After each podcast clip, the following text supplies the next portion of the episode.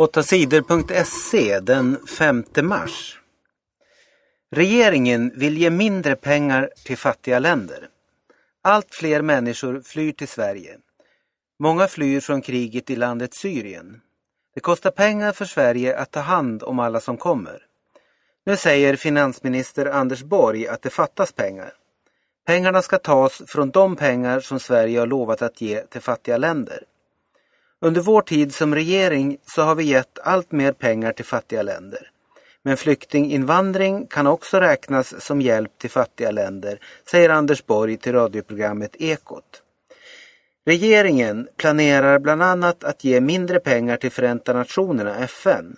Anders Borg vill inte säga hur mycket pengar regeringen vill spara på det här sättet. Varg kostar mycket pengar. En varg i trakten av Junsele i Västernorrland förstör för områdets samer. Vargen har dödat 28 av samernas renar. Naturvårdsverket har flyttat vargen från området tre gånger. Den har fångats, körts till södra Sverige och släppts där. Men varje gång har vargen kommit tillbaka till skogarna kring Junsele. Att flytta vargen har kostat minst 4 miljoner kronor. Naturvårdsverket vill skjuta den besvärliga vargen men jakten har stoppats av en domstol. Nu ska Naturvårdsverket kanske flytta vargen en gång till. Sverige och Luxemburg har minst fattiga.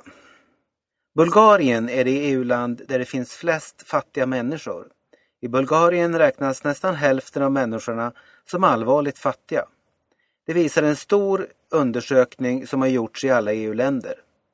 Lettland, Rumänien och Ungern är tre andra EU-länder som har väldigt många fattiga. Sverige och Luxemburg har lägst antal fattiga av alla EU-länder. I Sverige räknas bara en av hundra som allvarligt fattig. Folk som varit med i undersökningen har fått svara på vad de har råd med och inte. Det handlar till exempel om en veckas semester, bil, tvättmaskin, TV, värme i bostaden och mat. De som inte har råd med fyra av de nio sakerna som undersökarna frågade om räknas som fattig. Fotbollsstjärna körde bil full. Den danska fotbollsstjärnan Niklas Bentner blev tagen av polisen i Köpenhamn i helgen. Bentner körde bil fast han hade druckit mycket sprit. Niklas Bentner erkände vad han gjort och bad om ursäkt på Twitter. Niklas Bentner kan bli av med körkortet i tre år och tvingas betala mer än tre miljoner kronor i böter, skriver tidningen Extrabladet.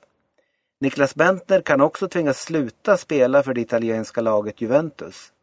Han har blivit avstängd från det danska fotbollslandslaget i sex månader. Kvinna kan ha kvävts på äldreboende. En kvinna på ett äldreboende blev lämnad ensam i fem minuter. Hon satt i en rullstol och hade ett bälte runt magen. När personalen kom tillbaka låg kvinnan på golvet. Bältet satt runt kvinnans hals. Kvinnan var död. Vi vet inte vad som hände. Vi ska undersöka om det var något fel på bältet eller om vi har gjort något fel, säger Anna Älg på vårdföretaget Carema. Carema äger äldreboendet där olyckan hände. Carema har tidigare fått skäll för att företaget sparar för mycket pengar och inte ger tillräckligt bra vård. Kvinna fick inte ha slöja över håret. En kvinna sökte jobb som städare på ett hotell i Blekinge.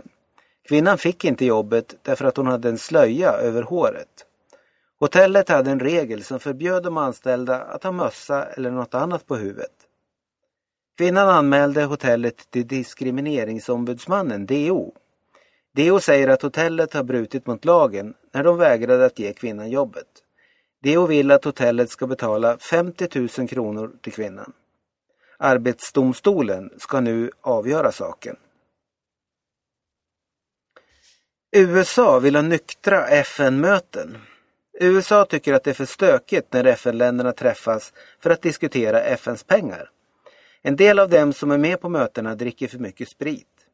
USA kräver nu att det ska vara förbjudet att dricka sprit på mötena. Vi vill att folk ska vara nyktra i förhandlingsrummen i FN, säger USAs diplomat Josep Torsella i FN.